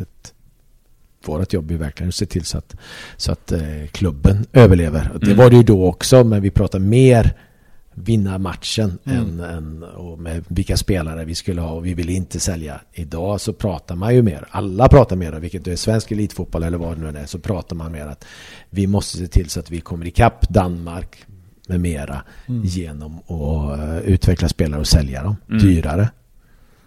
Det, var inte, det pratade vi inte något om Nej. för tio år sedan. Hur, hur hade du gjort om, om tillbaka till Stefan Selakovic? Han fick ju sitta 90 minuter på bänken i sin sista match för HBK. Eh, alltså, hur hade du gjort som sportchef? Ja, jag, jag, hörde, eh, jag hörde, det beror väl på matchen eh, dignitet kan jag tänka mig. Men han- Ja, det var, det var då. ganska klart allting. ja. Eh, han gjorde ett ganska sent byte och det var inte Selakovic som fick komma in. Hade du, hade du gått in och skällt, eller sagt någonting till tränaren då? För han fick ju inte tacka av Vem var eh, tränaren då? publiken. Ja. Jens Gustafsson. Ja, Jens ja, där har vi det är det. därför jag har svårt för honom. Ja, Okej, ja, ja. Ja, nej, det är väl fint om man, om man nu ska göra någonting sånt. Att man, Mm. att man tackar av en spelare på det sättet. Sen hade han kanske, jag vet inte hur länge han har varit där, ett år. Ett eller två. Ett, ja. Så det kan ju ha en betydelse Ja. också hur man nu gör de sakerna. Gjorde ju ändå ett hattrick mot oss för länge sedan. Ja, Ja, nästan, alltså, jag Ja, menar, han hade ju exakt. en resumé där på Ja. Jens. kan ju vara att eh, Jens tyckte att det var för jävligt att han gick ifrån Halmstad och gick Ja. till Blåvitt så nu ska vi straffa han Ja, så att han ska inte få något. Nej, jag, det tror jag inte. Jag kan inte svara på det faktiskt Nej. riktigt. Men det är väl fint om man kan göra någonting i, i det läget om en spelare har varit en trotjänare under, Mm. under många år. Lite som Hussein när han Ja. eh, slutade. Han var väl knappt i spelbart skick då. Nej, det, var, han, nej, det såg väldigt motigt ut. Ja. Men det var ju skönt att få tacka av honom. Ja.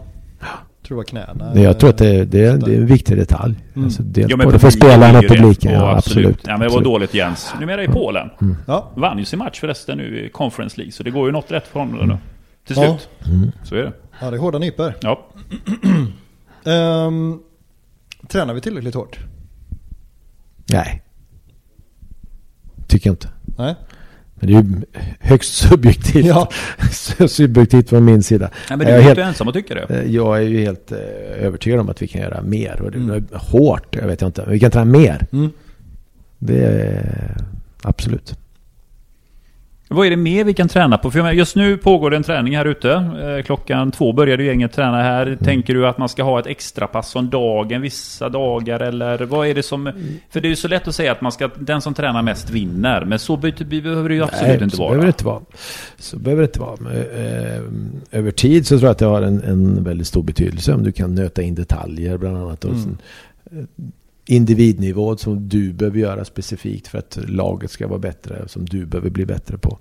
Det finns ju alltid i världen att, göra de sakerna. Har vi tappat i fysiken? För det var ju alltid en sån här grej. Man pratade om svensk fotboll förr. Men det var ju också Mm. klart vi Ja, hade ett starkare material. Men Ja. orkar spelarna lika bra 90 minuter som eh, förr när det är tätt schema? För jag tycker ju att idag när en klubb ska ut i Europa. Då, då har vi jätteproblem i Allsvenskan. Aj, aj, aj, det är kval på torsdag och så match på söndag så är det ju haveri där ute.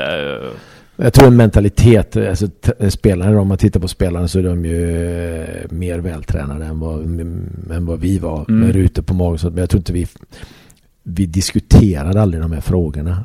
Var det match så var det match. Ja, Var någon var, var trött så var det trött. Men liksom, det var ingen fråga. Idag är det ju på ett annat sätt. Det är mycket mer professionellt. Mm.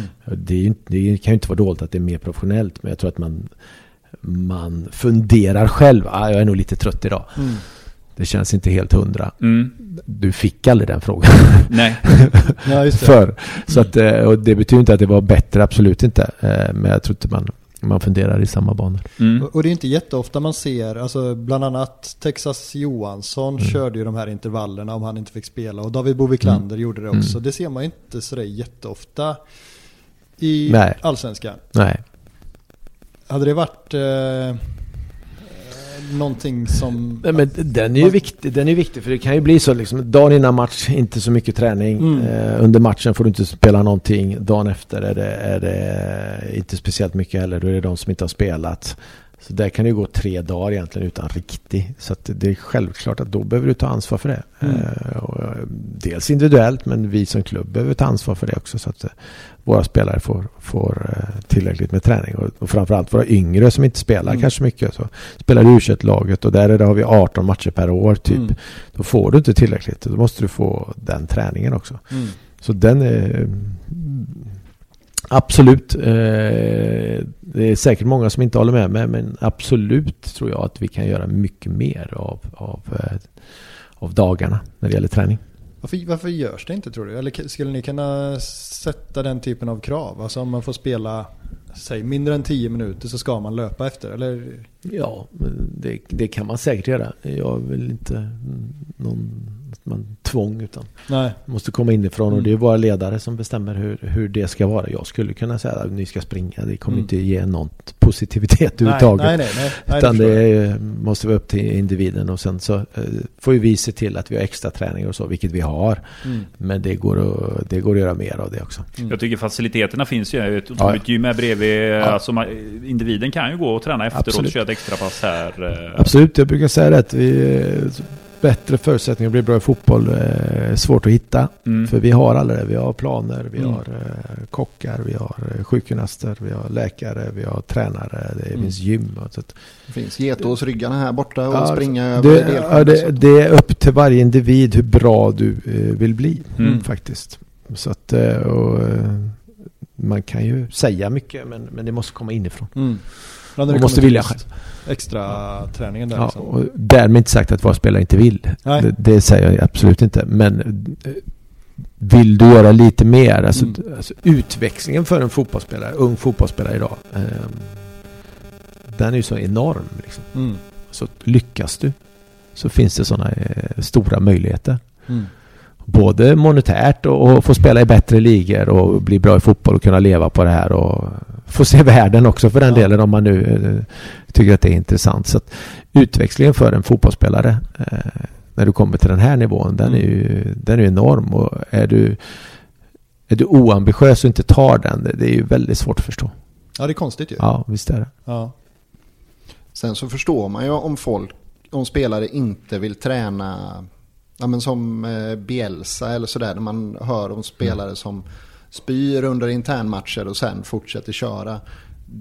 Jag fattar ju varför det inte känns superattraktivt om man går från en tillvaro som man har nu i allsvenskan, om det skulle dyka upp en tränare med den mentaliteten.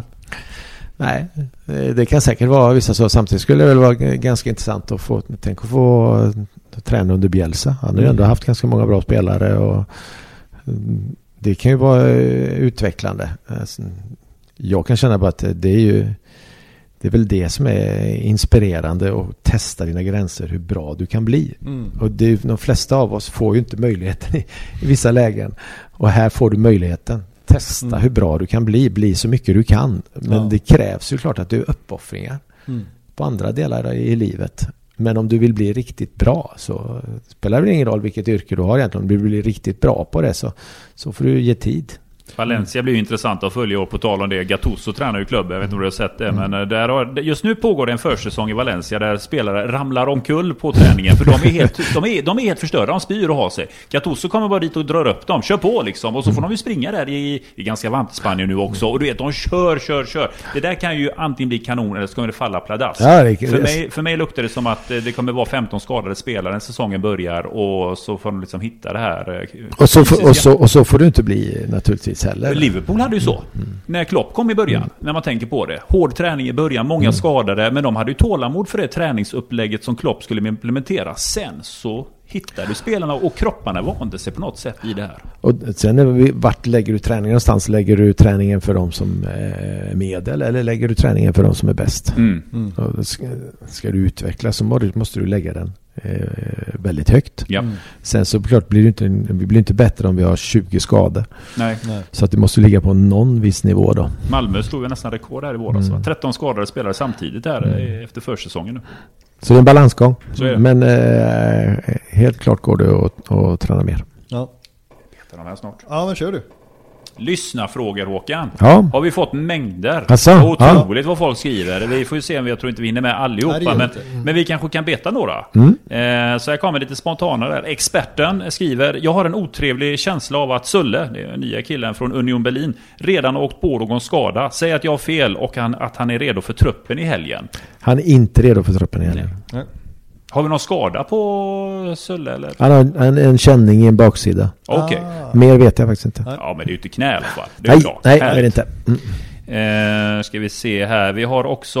På tal om det, det var länge, länge sedan Gershmyr drog en baksida nu. Ja, det är dags för honom att träna mer. Jag skulle inte säga så. Du kommer ju den direkt där. Får aldrig nämna. Ja, Ja, det är det. Nej men han har kanske ändrat kosten. mäktigt. Ja, han har ändrat kosten kanske. Ja. Så är det. Kristoffer Brun har ställt jättemånga frågor, men eh, jag tar den första här. Work-life balance, som det så fint heter. Hur går det i din roll? Nu sitter du på massa olika stolar, Håkan. Hur är livet? Ja, nej, det, det finns ingen balans i det. Men det, jag, jag har nog aldrig haft det, tror jag. eh, Någonsin om jag ska vara ärlig. Så Dras jag, du till det?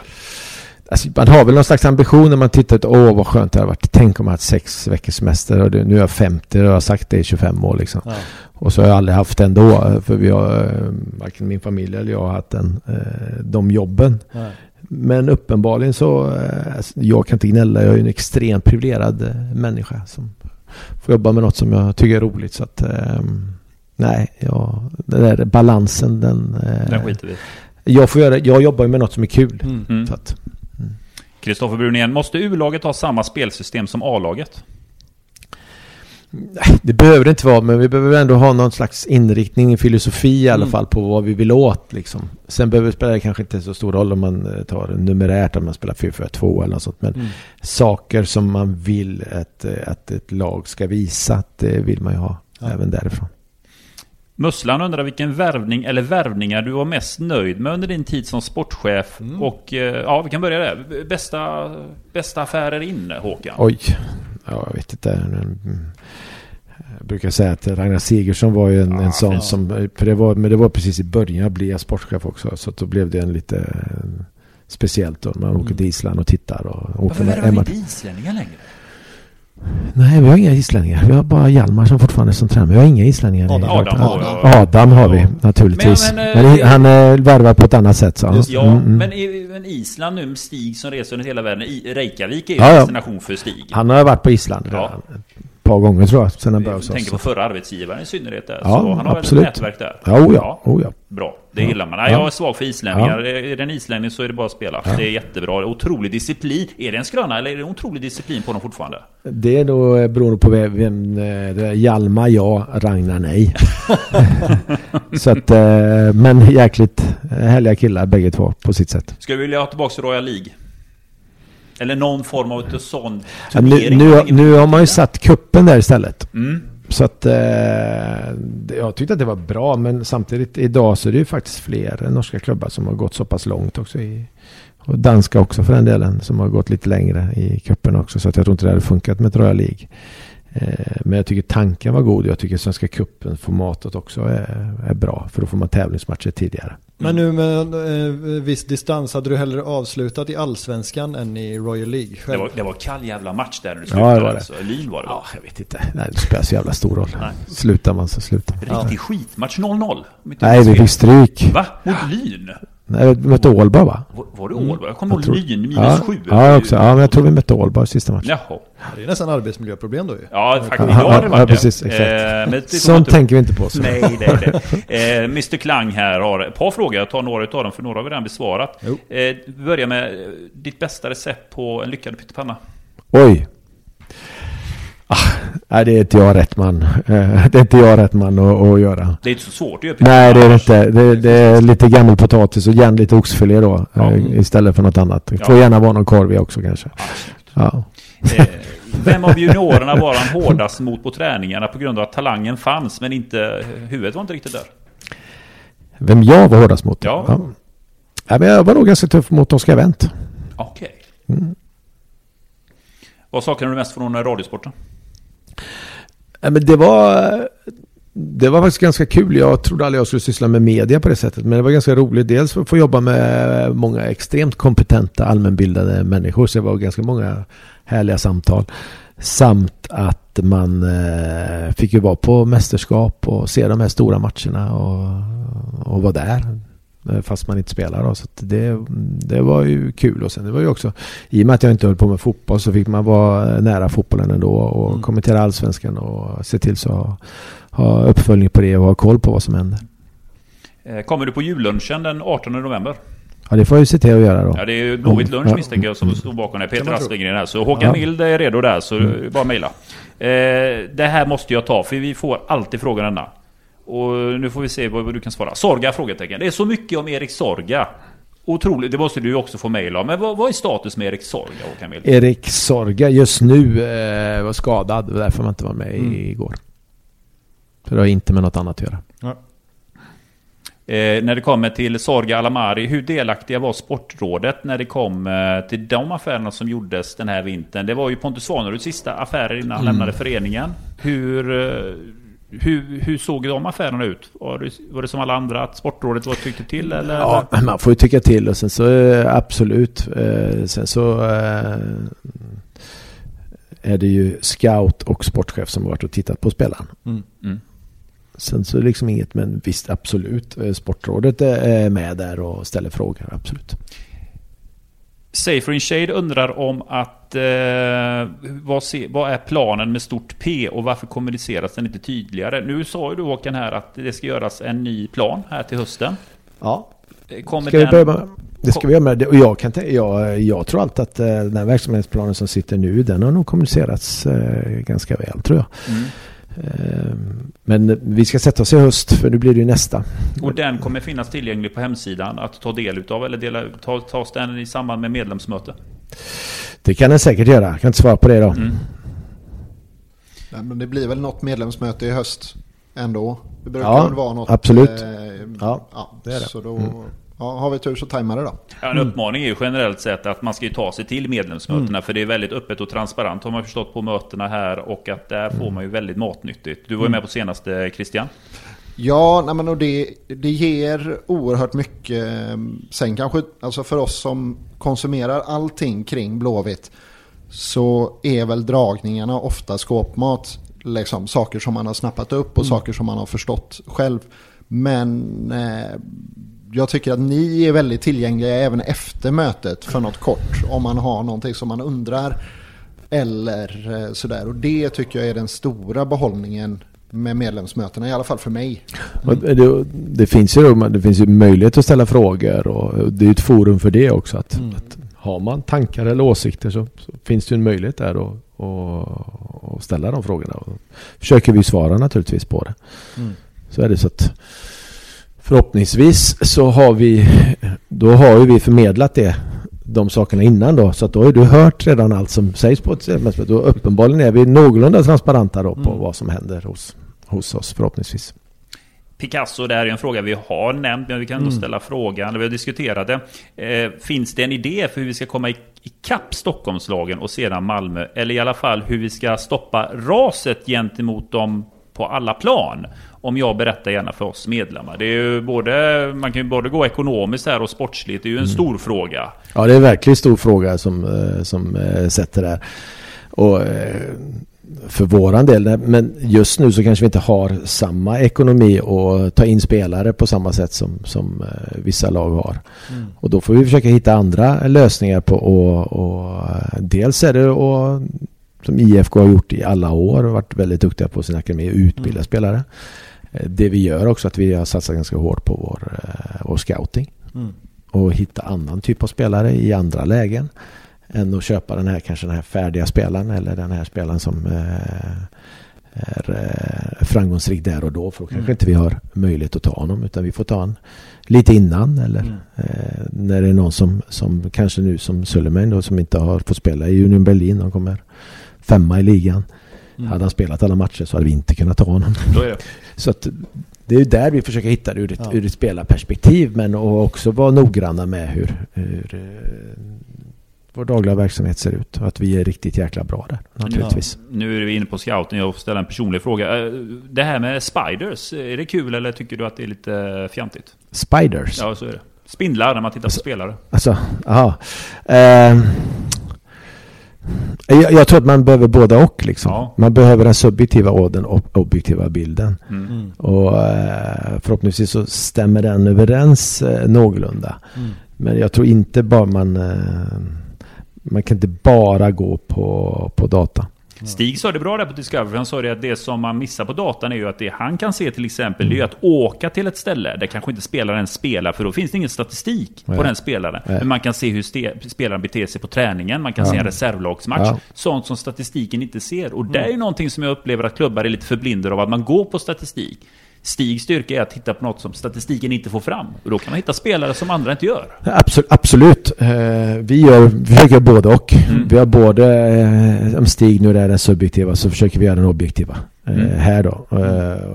För att få så mycket information som bara går. Sen i nästa läge så är det ju liksom det är en individ som ska komma. Hur, Mm. hur tror man att den, den ska fungera med oss med mera. Så att det, är det är ju fler frågor. Ja. Alex den store här undrar hur du ser på att man sålde Kamratgården för att rädda ekonomin och hur du faktiskt ser på det idag att vi äger den igen. Ja, jag är ju jätteglad för det. Jag är ju uppvuxen här eh, sedan eh, många år tillbaka med många fantastiska ledare och eh, lagkamrater och medarbetare för den delen också. Så för mig betyder det ganska mycket. Jag, nog, jag var inte här då men jag har full förståelse för att man var i en situation att man behövde rädda. Och att då att man hittade kapital i Kamratgården och hittade så pass bra ägare också som Mm. ville sälja tillbaka på det sättet som man har gjort. Så tycker jag väl att det har varit fantastiskt. Sen eh, än en gång, vi har varit inne på det många gånger i det här samtalet med den känslostyrda att när saker och ting händer så, så eh, gillar man ju inte det att Kamratgården tillhör någon annan än IF Göteborg. Eh, Sista frågan då Ja, kanske. yes. Tjurhenke med en fantastisk, han har en fantastisk rutin här Tjurhenke. Varje gång det är match så börjar han med att tvätta bilen och sen så går han och tränar. Det började så säsongen, det blir bara segrar. Just nu, jag skyller ju mer på att han slarvar vid tvätten. Ja, Ja, det- på. Det, han kan ha slarvat det lite känns grann där. skönt att vi har hittat en anledning. Ja men så är det. det är, fotboll är ibland mycket enkelt. Jag behöver inte vara svårare än så. Nej, Men eh. Tjurhenke här, vår vän från Norge, undrar Hur blir det med scoutingen nu när Robin Söder slutar och Olle Sultan går i pension? Eller kommer Olle fortsätta som scout här ett tag till under Olle, Stig? Olle har eh, avtal året ut. Mm. Ja. Så länge. Och Olle kör väl kanske lite mer åt, åt eh, vilket han började med, med mer ungdomar. Ja, ja. Han är väl med och tittar på annat också. Men han är väl mer och, mer och tittar på ungdomar just nu som han har gjort länge också. Är duktig Mm. på. Spännande. Så att han är med också. Ja, med det säger vi stort tack till eh, dig Håkan för att du tog dig tid och var med i premiäravsnittet av eh, Kamratpodden. Så tack så hemskt mycket för det. Tack så mycket. Uh, ja, tack Antonio. Tack ska ni ha och glöm inte att prenumerera nu på våran podd. Vi kommer finnas på, man hittar oss på vanliga kanaler som Ja. Spotify till exempel, Yes. eh, Podcaster. Klicka på följ så får Ja. ni en uppdaterad när avsnittet kommer. Det kommer ju ett avsnitt redan nästa vecka. Just och det. det. vi kan avslöja är att vi kommer vara tillbaka på Kamratgården. Ja. Men vi säger kanske inte riktigt just nu vem gästen är. Nej. Men klart är det i alla fall. Yes, så är det. Tack Christian. Tack själv Daniel. Ja, ha det gött. Tjena! Nej. Nu stänger vi.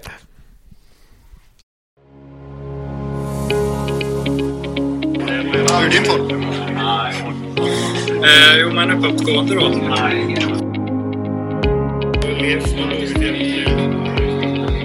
Jag trodde som pojke att jag var... Ja, det var en dröm att spela i ett skitboll.